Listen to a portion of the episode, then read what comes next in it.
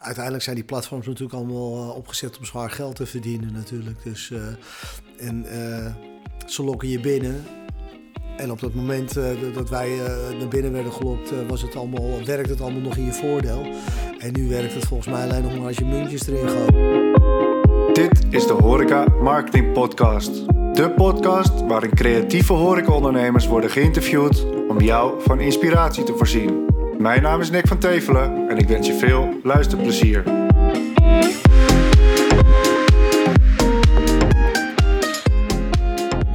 Super tof dat je luistert naar de Horeca Marketing Podcast. Zoals aangegeven probeer ik met deze podcast luisteraars te inspireren met toffe interviews tussen mij en creatieve horecaondernemers. En vandaag zit ik met een ras-echte horecaondernemer, Gerard van de Corner Bakery. Gerard, zou jij je willen introduceren aan de luisteraars? Hi, ik ben uh, Gerard, ik ben 56 eh, jaar oud. Uh, ik ben eigenaar onder andere van de Corner Bakery. Een Instagrammable restaurant, geënt op ja, deze nieuwe tijd waar alles over social media gaat. Nou, super tof. Voordat we iets meer de diepte ingaan, stel ik je deze vraag. Waar sta jij over tien jaar als horecaondernemer en wat is je droomsituatie? Nou, we zijn momenteel bezig om een franchise-formule op te zetten. gezien het feit dat ja, personeel vinden gewoon een lastig item is natuurlijk in het algemeen, maar vooral in de horeca. Ja, zijn we eigenlijk van plan om binnen nu en twee jaar franchises te vinden. liefst mensen die, die begaan zijn met de horeca, die ook affiniteit hebben met social media. Ehm, ja, en we zoeken misschien koppelstelletjes die, die zo'n zaak zouden kunnen draaien. Omdat de ervaring leert van een afstand met personeel is het heel lastig tegenwoordig om, om een, om een uitbreiding te doen. Maar um, ja, ik geloof stevast dat als, als je mensen vindt die uh, met passie uh, willen ondernemen, uh, ondersteund door een goede formule, ja, dat de moeite waard is in plaats van voor een baas te werken. Wil je dan nationaal, internationaal? Nou, sowieso nationaal. ik heb mogelijkheden al op dit moment om direct zouden, we kunnen franchise in Londen.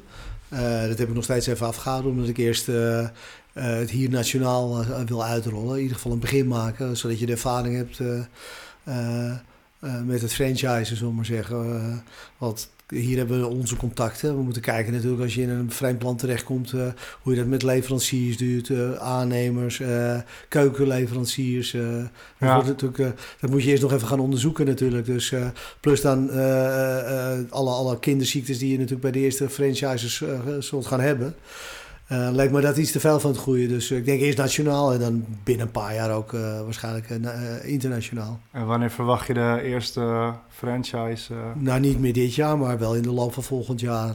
we zijn nu bezig om het rustig op te zetten. Ik heb geen haast, dus ik wil ook dat mensen kunnen starten in een normale markt. Dus ik wil nog wel heel even ook afwachten dit jaar of we nog zo'n lockdown krijgen en hoe daarmee omgegaan wordt. Ja. Want je wil mensen niet gelijk in de ellende storten het blijkt dat natuurlijk beginnende ondernemers, uh, die worden niet gewaardeerd in Nederland. Die worden afgestraft voor hun... Uh, ja. hè? Ik bedoel, het is uh, heel, heel vreemd gegeven natuurlijk. Dat we alles doen om mensen te laten leren en stimuleren om te, van alles te gaan ondernemen.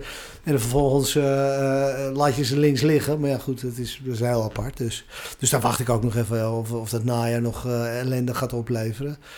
En ja, dus eigenlijk bereiden we alles voor om misschien de eerste zaak binnen nu een jaar zo medio eerste kwartaal 2023 uh, eh, te gaan openen. Mooie plannen. Ja, we hebben ook, we hebben ook al uh, aanvragers uh, voor die franchise. En nou ja, dus, ja, we zoeken mensen gewoon in, in steden die studentico zijn en redelijk toeristisch zijn. En, ja, dus er blijven er misschien nog 15 andere locaties over in Nederland waar we zouden kunnen gaan zitten. En, ja. het hoeven er voor mij geen 100 te worden. Ook omdat je waarschijnlijk geen honderd uh, koppeltjes gaat vinden, uh, man, man, vrouw, maakt allemaal niet uit, die uh, samen zo'n zaak gaan runnen. Want ik denk dat je wel twee franchisers nodig hebt. iemand die die keuken kan runnen, iemand die die bovenkant kan runnen. Ja. in je eentje wordt het heel lastig, denk ik. Dus, dus dat is best wel ehm, een, een, een, een, eh, een, een extra hobbeltje. Dan, uh, wij zijn natuurlijk uh, wel geautomatiseerd, maar de keuken kan je niet automatiseren. Het is, het is toch heel veel handwerk bij ons. Dus, uh, dus je moet echt wel mensen hebben die kwalitatief wat kunnen leveren in de keuken. Dus ja, dat, zal dat, dat maakt het niet makkelijker, maar Nee. dat maakt het ook weer. eh, het feit dat je eh, kwaliteit kan leveren, maakt ook dat je franchise gewoon eh, eh, eh, wat sterker is. Hè, het is mo- moeilijk te kopiëren, dus eh, ja, nee. de- de- en eh, als je de locaties beperkt in Nederland, denk ik dat mensen gewoon eh, een hele goede boterham eraan kunnen verdienen. Ja, mooie plannen. Als we terug gaan in de tijd, hoe, eh, hoe ben je in de horeca terechtgekomen? Nou, ik ben eigenlijk in mijn studententijd heb ik in de, in de horeca eh, gewerkt en dat heb ik altijd leuk gevonden. Ehm, ik zag wel al toen de tijd het nadeel van, van de horeca is dat je heel afhankelijk bent eh, van mensen. Dat, eh, ja, eh, dat, dat, dat is in de retail al, een stukje minder. Hè? En dat hebben ze ook geminderd. Want ja, om maar eens een voorbeeld te geven. Als je bij de Zara werkt, teken je in je arbeidscontract een clausule dat je absoluut niet de klanten mag aanspreken of waardeoordelen mag geven over de spullen die de klanten aantrekken. Hè, dus eh, eh, bij de HEMA's hebben ze dat heel lang geleden al eh, verlaten, dat pad, dat er service verleend moest worden en informatie over producten. Mensen bij de HEMA weten nauwelijks de, waar hun eigen producten staan of ze ze verkopen. Dus, maar goed, de horeca blijft natuurlijk iets waar mensen een beetje ook geëntertained willen worden. En eh, ehm, ja, gewoon met een goede, met een goede vibe eh, behandeld willen worden. Eh, en dat is mensenwerk. Ja, en we weten allemaal eh, hoe moeilijk het is, zeker nu. Maar dat was eigenlijk in mijn tijd, 35 jaar geleden, al niet anders. Dat eh, was altijd al een tekort aan mensen die wat konden in de horeca. Dus dat heeft mij er eigenlijk heel lang van weerhouden om, om iets in de horeca te gaan doen. Dus ik ben in de textiel gerold, in de retail, naar honderden winkels gehad. eh, en eigenlijk in 2008, bij de recessie, start van van, van de ene laatste recessie, ben ik eigenlijk per ongeluk eh, weer in de horeca beland. Dus eh, De Corner Bakery. de Corner Bakery onder andere, ja. Ik heb, we hebben ook nog een zaak in, eh, in Spanje. Dat was eigenlijk de eerste horecazaak. we hebben nog een, een zaak gehad hier in Amsterdam. dat was geënt op een Franse formule. Dat heet Paal. Dat is een, ja, een bakker die, die ook zeg maar lunchroom exporteert erbij. Dat blijkt in Nederland nog best eh, te hoog gegrepen. En eh, ja, daaruit is eigenlijk de Corner Bakery voortgekomen. Tof. Ja, Heb je zelf bedacht het concept?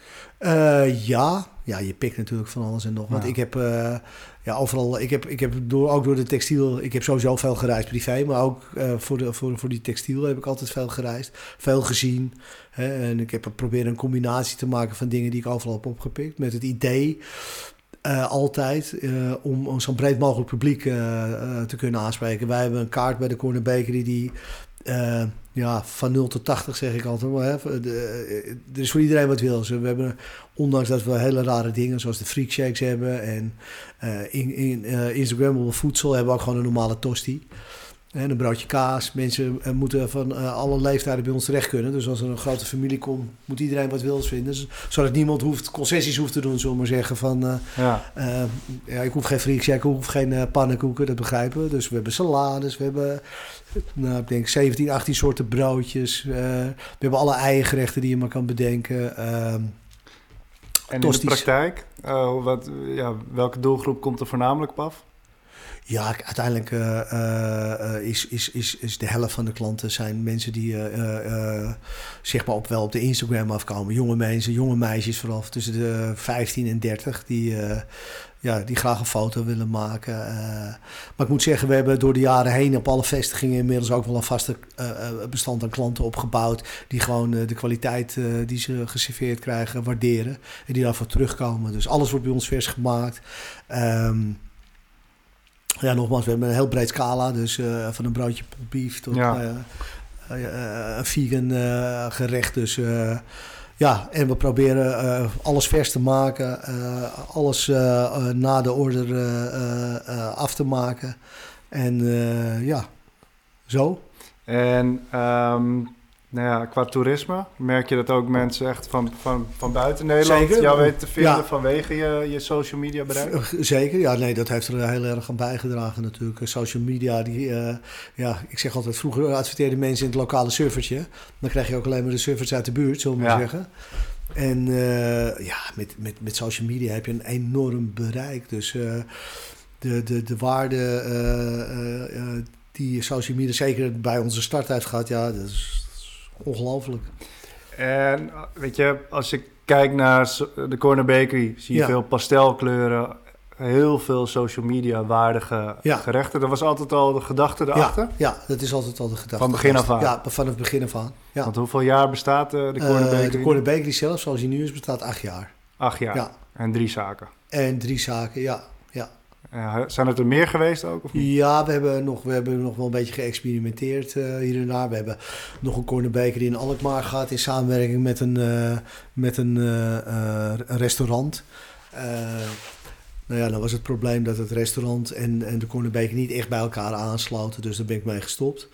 We hadden een zaak op de Jan-Pieter Heijstraat in Amsterdam. Nou, die bleek gewoon te klein te zijn Ja. qua aantallen stoelen. En dan kon je niet het optimale rendement uithalen. Dus eh, ja, die zijn we ook gestopt. En En we hadden eigenlijk plannen om in Rotterdam open te gaan eh, nadat we de Jan-Pieter Heijstraat, uh, daar praat je over begin 2020. ja.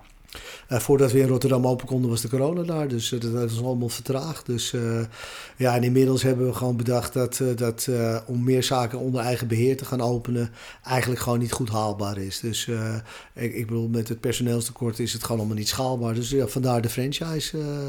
tof. ja, dus we zijn nu al een jaartje aan het kijken en in onderhandeling met een franchise eh, begeleidingsbedrijf. Dus, dus ja, zo langzaamaan. Maar ja, nogmaals, ik wil mensen gewoon eh, een, een, een, een, eh, een hele goede start geven. Dus eh, en niet nu rukzichtloos een zaak openen en dan straks weer in een lockdown terechtkomen. Dat, ik bedoel, ik wil die mensen zo goed, goed mogelijk zeg maar lanceren.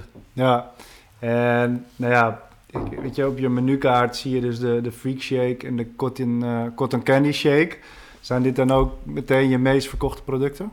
De pancakegerechten en de eh freak shakes, milkshakes, die, dat, eh, dat is wel een behoorlijke percentage van onze omzet. En dat komt, denk jij, ook voornamelijk door social media. Dat het gewoon het waardige plaatje oplevert. Zeker, ja, want mensen nemen, eh 9 van de 10 neemt een foto ervan die zo'n freak shake bestelt. Ja. Dus, en er zitten ook mensen van 80 bij die het soms bestellen zonder kleinkinderen. dat is bizar. Het, en nou ja, op zich kunnen we wel zeggen dat je met uh, Corner Bakery social media ja, hebt uitgespeeld. Op Instagram heb je bijna 50.000 volgers.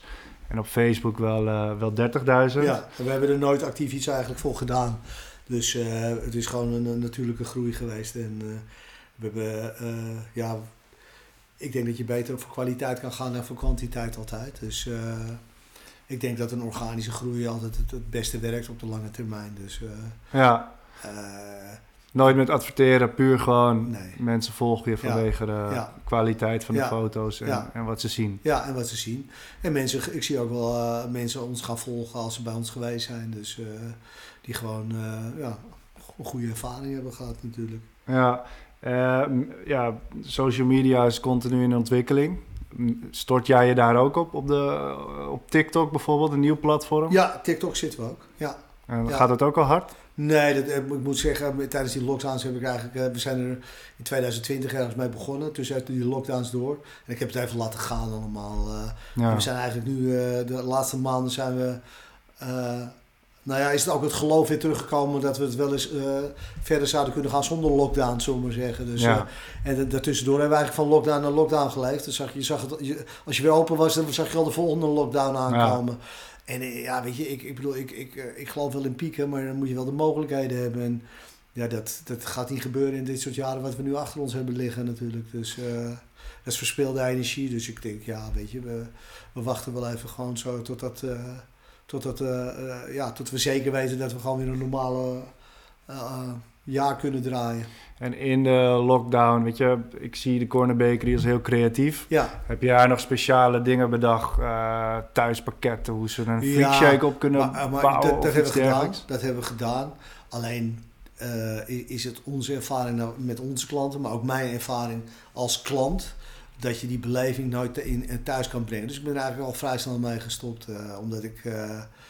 Uh, uh, twee redenen. Ik vind de klanten die bij ons al geweest waren... die wil je niet teleurstellen. Nee. En als je nieuwe klanten wil werven... is dit niet de juiste ervaring om mensen het, na een lockdown naar je zaak te laten komen. Ja. En uiteindelijk ook qua opbrengsten, gewoon heel simpel gezegd, levert het ook niks op, want de bezorgkosten zijn enorm. Ehm, dus ja, dat, dat was eigenlijk alleen maar als je bezig geld verplaatsen tussen mensen, tussen je leveranciers en, je, en, je, en, en de bezorgservice. Dus ja, daar ben ik helemaal mee gestopt. En nou ja, de markt verandert dus continu. Wat zijn de verschillen ten opzichte van vijf, zes, zeven jaar geleden?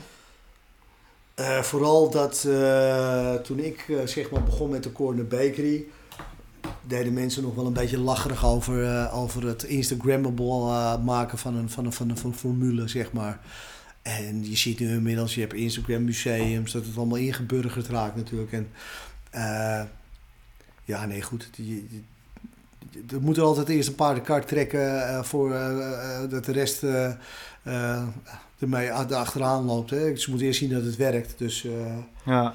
Dus nou ja, van daaruit is ook in die tijd de avocado show is begonnen toen. En iets later de vegan food junk bar. En ja, nu zie je overal uh, allerlei Instagram-achtige... Uh, er zijn ook gewoon grote bedrijven zijn bezig met, met, met, met, met social media om dat uh, uit te buiten, zeg maar. Ja. Ik denk wel dat er een ontwikkeling in gaat komen. Ik denk dat uiteindelijk... je moet altijd blijven innoveren. Hè, en de manier waarop ik het nu doe is misschien niet de manier waarop je het over tien jaar nog werkt. Ja. Dus je moet blijven innoveren. Ik denk op zich dat de social media, dat is iets blijvends. Maar uh, wat, wat je al ziet veranderen is dat uh, uh, het moet meer naar de realiteit toe dan dat de sprookjes verteld worden. Ja. Dus daar, die richting zie je het al helemaal opgaan. al, die, al die vloggers en die bloggers die blijken zwaar in de Prozac te zitten in plaats van die mooie plaatjes. Hè. Ja. De, dus de werkelijkheid haalt ons in. Dus ik denk dat, ja, maar ik denk dat het ook een normale ontwikkeling is. Dus, dus ja, daar moet je wel bovenop blijven zitten natuurlijk. En dus blijf innoveren. Ik had ook even gekeken op je, op je social media en naar onder gescrolld. En ik zag in uh, eh, 2019 haalde je uh, met gemak 1500, 2000 likes op een foto. Ja. En de, de laatste paar foto's komen niet boven de 100. Weet je hoe dat komt? Uh, ik denk ook een verzadiging. Dat heeft met verzadiging te maken. En dat zal ook, ik denk, uiteindelijk zijn die platforms natuurlijk allemaal opgezet om zwaar geld te verdienen natuurlijk. Dus, en ze lokken je binnen. En op dat moment uh, dat wij uh, naar binnen werden gelokt, uh, was het allemaal, werkt het allemaal nog in je voordeel. Ja. En nu werkt het volgens mij alleen nog maar als je muntjes erin gooit. Ik, ik, mijn opa was aannemer, die vertelde me ooit het verhaal in de jaren 50 um, ehm, over banken. Om, om, dat is een beetje vergelijkbaar iets. toen had je nog loonzakjes in die tijd. Dus mijn opa betaalde zijn personeel met loonzakjes. Om, uh, dat ging niet over de bank. Ja. Dus toen werd mijn opa eerst uh, gemasseerd om een, een, bankrekening te openen. Dan kreeg je een wasmachine cadeau, wat heel wat was in die tijd. Dus je kreeg van alles cadeau, je werd binnengezogen. En uh, nou ja, als je personeel een bankrekening opende, werden er weer bonussen uitgedeeld aan iedereen. Ja, en uiteindelijk als je nu ziet waar wij nu staan met de banken, als je ze opbelt, uh, gaat de meter al bijna tikken. Het zijn net advocatenkantoren geworden. Dus ja, dus ja dat, dat is natuurlijk ook in het begin gebeurd uh, met die social media bedrijven natuurlijk. Uh, die, die, die, die platforms die, ja, die willen nu gewoon hun, uh, hun capaciteit uitbuiten. Dus ja, ik denk zolang je niet genoeg geld stort, zal je die, die likes ook niet meer terugkrijgen. Nee, want ja, samen met Facebook en Instagram zullen er natuurlijk ook veel dubbelers bij zitten. Maar ja. zit je op 80.000 volgers, ja. je hebt geen data van hun verzameld. Nee, en uh, ja, denk je dat het een goede set zou zijn om daar. Uh, ja, ik, nee, ik denk als je mensen uh, die geïnteresseerd, die blijken geïnteresseerd geweest te zijn, als je die persoonlijk zou kunnen benaderen, dat het veel effectiever is uiteindelijk nu dan in het wilde wegschieten op social media met al hun algoritmes en al dan niet beïnvloeding. Nou ja, daarvoor is natuurlijk ook de, de Horeca Marketing Academy opgezet. Ik stel voor dat wij uh, daarmee aan de slag gaan en dat we deze podcast over, uh, over een half jaar of over een jaar nog een keer uh, opnemen. Ja. En kijken wat de resultaten zijn. Ja, zeker. Lijkt me hartstikke leuk. Kunnen we die mooi delen aan de, ja. aan de luisteraars? Ja, zeker. Nee, dat lijkt me heel leuk. Ik denk, ik denk ja, als je wat gerichter kan werken natuurlijk. kijk, als je natuurlijk een, een hagel geweer afschiet, dan zal je altijd wel iets raken natuurlijk. Ja. Maar de vraag is hoeveel je voor die hagel moet gaan betalen natuurlijk. ja, Eén kogel kan veel trefzekerder zijn dan eh, duizend hagelstukjes. eh. Dus ik denk dat eh, wat dat betreft, dat we ook weer een nieuwe uitdaging en toch misschien wel weer een beetje naar oldschool-achtige dingen teruggaan. En waar zit je dan aan te denken? Nou ja, ik denk, de digitale wereld bie- biedt natuurlijk een eh, hele hoop mogelijkheden. En eh, als jij genoeg data hebt om eh, mensen te bereiken, ja, dan kan het vele malen goedkoper en effectiever zijn dan voor tienduizenden euro's per jaar op social media te adverteren. Waar de vraag maar is van waar het terecht komt. En je, je, Ja. je, weet, je weet niet waar het terecht komt. Nee, Daar heb je totaal geen inzicht in natuurlijk. Dat krijg je ook nooit. En als je nu, eh, eh, wat jij voorstelde, met mailadressen gaat werken van mensen die eh, zich geïnteresseerd getoond hebben, al eens bij in de zaak geweest zijn. Ja, dat, dat, daar zit natuurlijk heel veel potentie in natuurlijk. Ja, het belangrijkste is natuurlijk dat je gewoon een eigen database hebt en niet Precies. afhankelijk bent van die Precies, platforms precies, met ja. hun algoritmes. Ah, ja, ja. Nee, en als je in eigen hand hebt, als je straks een franchise-formule hebt en je hebt 15 zaken staan, dan heb je een beetje een landelijke dekking. Ja, ja, ja dan, eh, ja, En nou ja, het bereik, weet je, het, het, het, social media, de digitalisering, dat verandert steeds. Eh, dat zijn uitdagingen, maar eh, het personeel momenteel is een, een ontzettend grote Ja. uitdaging. Ja. En ook eh, de stijgende prijzen. ja. Hoe probeer je daar een beetje op in te spelen? Nou ja, wij hebben onze prijs eh, nog niet verhoogd. Dus ik, ik, ik wacht het allemaal even af. Dus ik, ik, ik kijk iets, eh, op iets langere termijn. Ik eh, denk eh, dat op, op de duur de boel wel weer gaat normaliseren. Hè, het gaat altijd met pieken en dalen. Dus, en om nou in grote paniek te gaan reageren op die, op die prijsstijging. Kijk, ik begrijp dat er horecaondernemers zijn die echt tot aan hun lippen staat.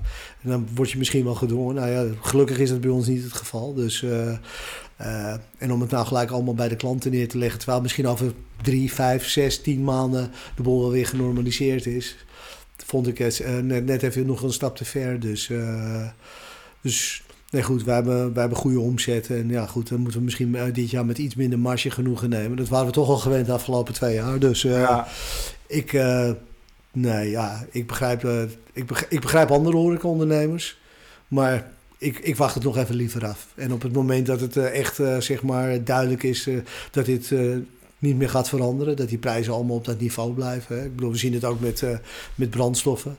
Dat begint ook weer een klein beetje te normaliseren. Al dan niet met kunstmatige ingrepen, Ja. maar goed. Ja, laten we het, ik, ik wacht het rustig af. en personeel, heb je andere strategie? Eh, nou ja, heel toevallig eh, eh, gewoon eh, ge- gegeven het feit wat er op onze advertenties reageert, zitten we nu helemaal eigenlijk in de, vooral qua bediening in de, ik noem het altijd expert-studentenmarkt. Ja, En ja, nou ja, daar, daar hebben wij eh, een, een- eigenlijk een nieuwe werknemer aangeboord. Het enige nadeel is dat die mensen altijd een beperkte tijd eh, eh, in, in, het land zijn. Hè? Dus ook maar een beperkte tijd bij je werken. Maar als je daarop instelt... hè, dus dat je, dat je, ja, je moet gewoon wat flexibeler zijn. Dus je hebt mensen met contracten van drie maanden, zes maanden. flinke doorloop. flinke doorloop, ja. Maar ik moet eerlijk zeggen, ehm, ik denk zelf, omdat er een begin en een einde aan een verhaal zit. Hè. Eh, mensen komen hier, die gaan studeren eh, voor een half jaar of wat dan ook. En die, eh, die committen zich aan jou voor een half jaar. Die zetten zich ook wel wat beter in, want hun zijn alleen maar gebaat bij dat ze dat half jaar op die manier kunnen doorbrengen. Ze Ja. weten, oké, ik heb een half jaar hier die studie, ik heb een kamertje en ik heb een half jaar een extra inkomen aan, die, aan dat baantje. En in de praktijk blijkt gewoon dat die mensen zich heel erg goed inzetten. Ja, eh, het enige nadeel is dat je weet dat ze weer weggaan. Ja, Eh, nou blijkt ook dat ze vaak in huizen wonen met eh, medestudenten die ook allemaal expert zijn. ja En dan ze schuiven ze elkaar die baantjes eh, eh, schuiven ze weer door. Dus kijk, de kwaliteit wil niet altijd zeggen dat, dat de een net zo goed is als de ander. Maar je blijft uit dezelfde bron, blijf je toch kunnen putten. Dus dat is dan weer een voordeel daarvan. Dus, en er zijn heel veel bedrijven, zeker bijvoorbeeld in Maastricht, die willen geen niet-Nederlands sprekende mensen aannemen. Ja, Dus uh, ik, ik durf rustig te zeggen dat, uh, dat, uh, dat wij het enige bedrijf zijn met zoveel niet-Nederlands sprekende mensen. En mensen accepteren het bij onze formule, moet ik ook zeggen. accepteren dat wel. Hey, ik weet niet of het bij ons om de hoek zit. Sowieso in Amsterdam, denk ik toch wel. Ja, maar ik denk in Loetje dat het bijvoorbeeld niet zou werken. Nee, nee, nee. Dat, dat is toch wel echt een, ja, een ander publiek. En ja, nee, in Amsterdam, als je de Kalfstad ingaat, dan spreken, spreken ze nergens meer Nederlands. Maar merk je ook dat uh, de periode dat je over ze beschikt, dat ze meer commitment hebben? Dat, ze, ja, dat je beter op ze kan bouwen dan... Nou ja, uh, ze willen dat baantje gaan bouwen. Want ik, ik kan, je, je kan je voorstellen, als je ergens zes maanden bent, zit je niet op zes baantjes te wachten. Nee, zelf. Nee. Snap je?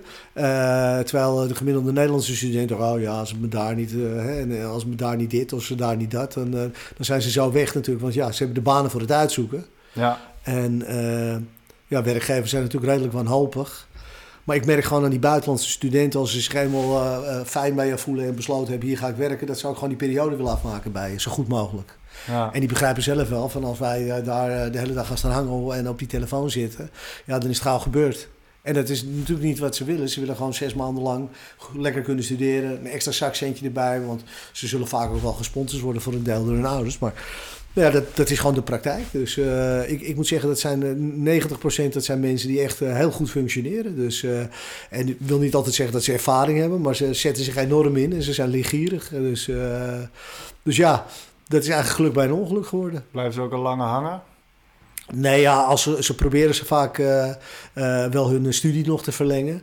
Maar ja, dat is toch allemaal vrij lastig, toch, geloof ik, tegenwoordig. Ik, ik zie die ja. mensen, ik zie 80% verdwijnt gewoon naar de periode die we afgesproken hebben. Een enkeling uh, die komt na de zomervakantie nog wel eens terug. Die, die, maar de meeste verdwijnen gewoon. Dus ja. ja, goed, het is een gegeven. En ja, daar gaan we nu wel oké okay mee om. Dus in het begin was ik er wel heel huiverig voor. Maar ik moet zeggen, ja, uiteindelijk uh, maakt het natuurlijk op de dag zelf, als er iemand staat, moet er gewoon iemand staan die service verleent. Ja. En als er de volgende dag weer iemand anders staat die ook die service verleent, maakt het niet zoveel uit. En als je een paar ziek op één dag krijgt, is het makkelijk uh, schakelen in je zaak? Of? Nou, inmiddels, omdat ik natuurlijk me daar ook op ingesteld heb, hebben we uh, uh, gewoon wat extra mensen altijd ingedeeld. Ik heb natuurlijk meerdere zaken, zeker in Amsterdam. Ja. Dus ik hou altijd rekening met een zieke. Dus ik rooster er altijd eentje extra in. Ja, voor de zekerheid. Luxe situatie. Ja, luxe situatie. Dus, uh, dus ja, nee. Ja, je, je, het is een beetje anticiperen natuurlijk uh, ja. op situaties. En uh, ja, we kunnen heel lang een beetje negatief gaan doen over het feit wat er is. Maar je kan beter maar doen met wat er is. Ja, kijk, de horeca is gewoon een hele moeilijke branche. Maar ik denk dat elke fysieke zaak het tegenwoordig wel lastig heeft. Ja overal waar handjes nodig zijn. Uh, ja, kijk, hand, handjes zijn ook niet geliefd. Hè? Ik bedoel, ik, wij, ik woon hier in de buurt in Amsterdam Zuid. En mijn jongste is net van de lagere school, want die zit nu uh, op het gymnasium. Maar ja, ik doe er ook aan mee. Maar ja, goed, en luister, uh, als je hier in de buurt je kind naar de haven gaat, dan is er al paniek in de tent. Dan wordt er al geprocedeerd om je kind een beter schooladvies ja. te gaan krijgen. En ik denk dat dat niet alleen de tendens is hier in Amsterdam-Zuid, maar ik denk dat dat in heel Nederland een beetje de tendens is. Ja, daar zullen we toch enorm last van gaan krijgen. Ik bedoel, uh, uh, we hebben het gezien in de crisis, uh, alles wordt ver weggemaakt. Ja, dan ben je zo afhankelijk. Hoe, wie gaat er straks in een bakkerij nog werken? Heb je ooit wel eens gedacht uh, dat, uh, met stoppen met ondernemen? Nee, nee. Ik, ben, uh, ik heb alleen in mijn studententijd heb ik voor een baas gewerkt. En daarna heb ik altijd voor mezelf ben ik bezig geweest. Dus nee, nee want het, het, hoort er gewoon bij. Het is een nieuwe uitdaging. Kijk, ondernemen is problemen oplossen. En als je niet van het oplossen van problemen houdt, dan ben je geen ondernemer. Nee. Dus... Wat? Het continu bezig zijn met het oplossen van problemen is, uh, is, is gewoon, uh, uh, hoort gewoon bij het ondernemerschap. En dat moet je leuk vinden, moet je een uitdaging vinden. En als je dat niet hebt al van jongs af aan niet, dan moet je nooit gaan ondernemen. Nee, nee, nee. Kijk, daar, er is nog een tussenweg en dat is het franchise. Dan worden vaak problemen, eh, problemen in de zin van administratief of juridisch of noem maar op. Mensen bedenken een formule voor je waar je zo in kan stappen. Eh, een beetje gespreid bedje. Ja, nou ja dat, is, dat is voor mensen die hard willen werken en, en niet heel erg ondernemend zijn, is dat misschien de ideale oplossing. Maar eh, nee, het ondernemen van wel zeggen, waarom zou ik? Dus, uh, ik, ik heb het altijd als een spel gezien. Het is een soort monopolie. Je wint, je verliest. Ja. Je komt voor een nieuwe uitdaging terecht. En ja, je moet jezelf steeds weer uitvinden. Ja. Ja, en dat, dat doe je als mens denk ik ook. Als je tenminste in mijn ogen een volwaardig leven wil leiden... zal je je steeds weer als mens ook moeten uitvinden. Ja, ja en als En je, krijgt allemaal verschillende rollen, tenminste, de meeste mensen. Uh, uh, uh, en ja, als je, als je niet door angst wordt belet zeg maar, in je leven, dan, ja, dan kom je steeds weer voor nieuwe uitdagingen te staan. En dat maakt het leuk. Wat maakt jou anders met ondernemen als ondernemer tien jaar geleden, twintig jaar geleden ten opzichte van nu? Ehm, dat, ik, dat ik me nog minder door angst laat leiden. Dat leer je ook wel. Ik, ik ben nooit een angstig persoon geweest. Ik ben altijd alles aangegaan. Ik heb heel veel dingen meegemaakt. Ik, heb ook burn-outs gehad. Uh, uh, je noemt het maar op. Ik heb uh, rare dingen gedaan in mijn jeugd. maar altijd de consequenties genomen en altijd lering eruit getrokken. En ja, zo kom je altijd een stapje verder natuurlijk. En als je je altijd door angst laat weerhouden van wat dan ook. Hè, ik bedoel, ik, ik krijg sollicitanten die, die zitten ergens al vijf jaar waar ze eigenlijk niet naar hun zin hebben. En dan nou ja, dan, dan solliciteren ze. Ja, en, dat is lang. Ja, en dan, en, dan, en dan komen ze bij mij solliciteren en dan, dan draaien ze een dag mee en dan vinden ze het hartstikke leuk. En dan spreken ze twee dagen later, nou wat gaan we doen? Wil je bij ons in dienst komen? Ja, maar ik zit er al vijf jaar en ik heb daar vastigheid en ik weet wat ik heb. Ja, ik zeg, maar jij kwam bij mij solliciteren en je kwam uh, met een verhaal dat je daar al vijf jaar eigenlijk niet naar je zin hebt. Ja. Weet je, dan wordt iemand toch door angst of ik weet niet wat het is, dat, dat weerhoudt. Uh, ik heb ook ik merk dat bij aan mijn eigen familie, dat er mensen in mijn familie zitten die nooit een uitdaging aangaan. Uh, ja, ik, ik, ik denk ja, als je, als je wil groeien als mens en als ondernemer, zal je altijd uitdagingen moeten aangaan. En dan zal je ook fouten maken en dan zal je consequentie ook moeten nemen. En dat is op zich helemaal niet erg. Ik bedoel, het een maakt dat je met het ander verder komt vaak. Hè? Het zijn allemaal van die clichés. De ene deur gaat dicht en de andere deur gaat open. Maar het is gewoon een kwestie van doen in het leven. Ik denk dat gewoon mensen niet gemaakt zijn om niks te doen. Nee. Ik geloof daar niet in. Ik bedoel, als je in de dierenwereld kijkt, waar wij ook vandaan komen, mensen zijn altijd. Je moet, ja, een bezige bij is ook weer zo'n cliché, maar je moet altijd doen. En als je doet, kom je verder. En dan gaan er ook dingen fout. Dat is logisch. Ja. dat is met het opvoeden van je kinderen zo. Zelfs met het opvoeden van je hond is het zo. Niks gaat perfect.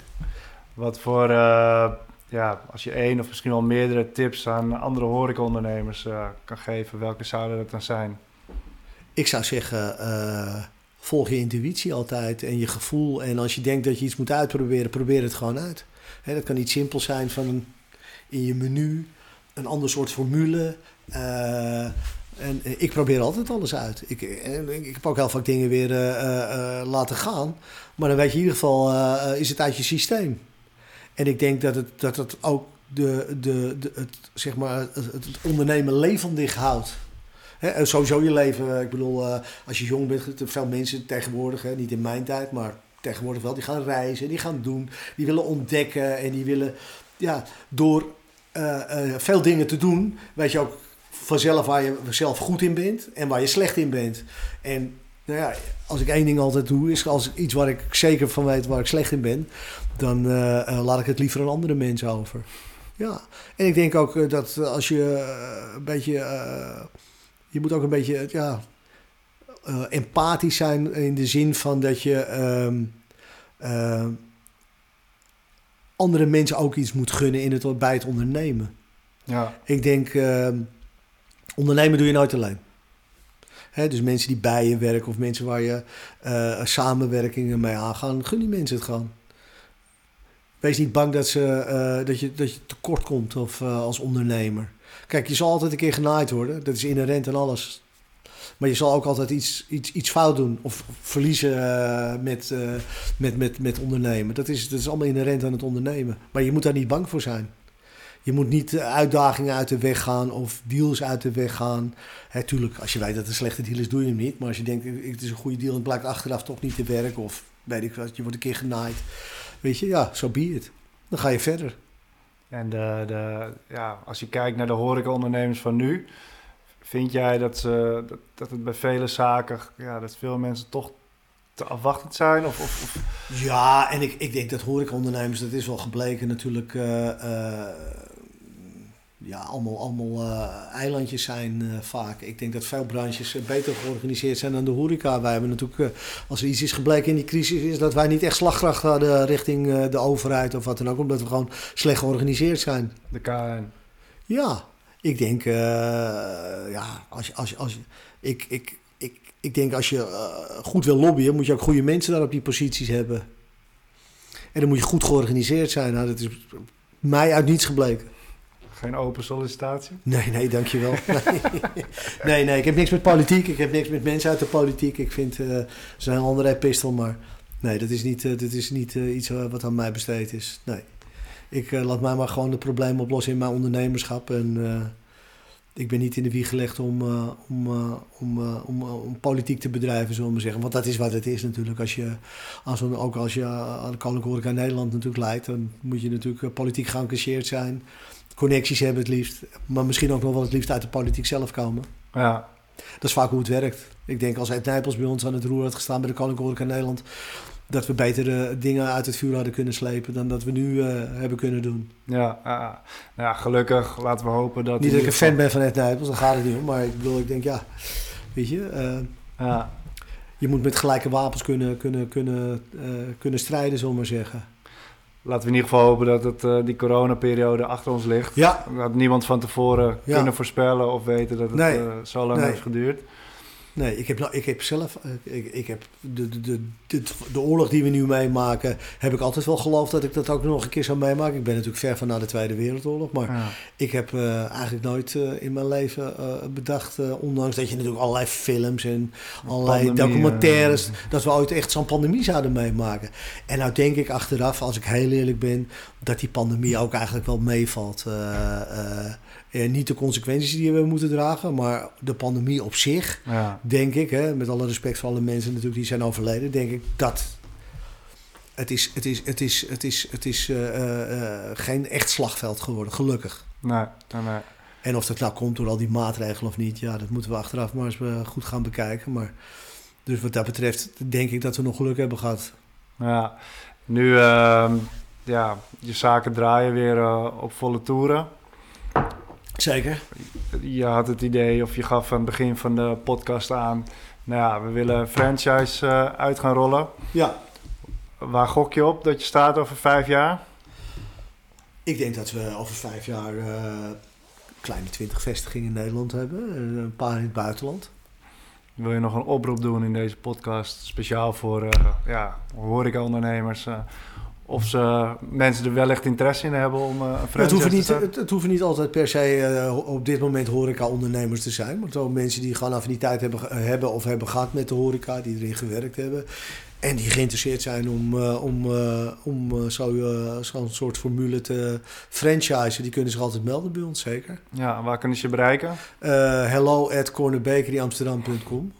Dat is ons e-mailadres. En mocht je geïnteresseerd zijn, eh, stuur een mail en dan eh, praten we vandaar uh, verder. Ja, nou beste luisteraars, ik hoop dat dit eh, een interessante podcast is.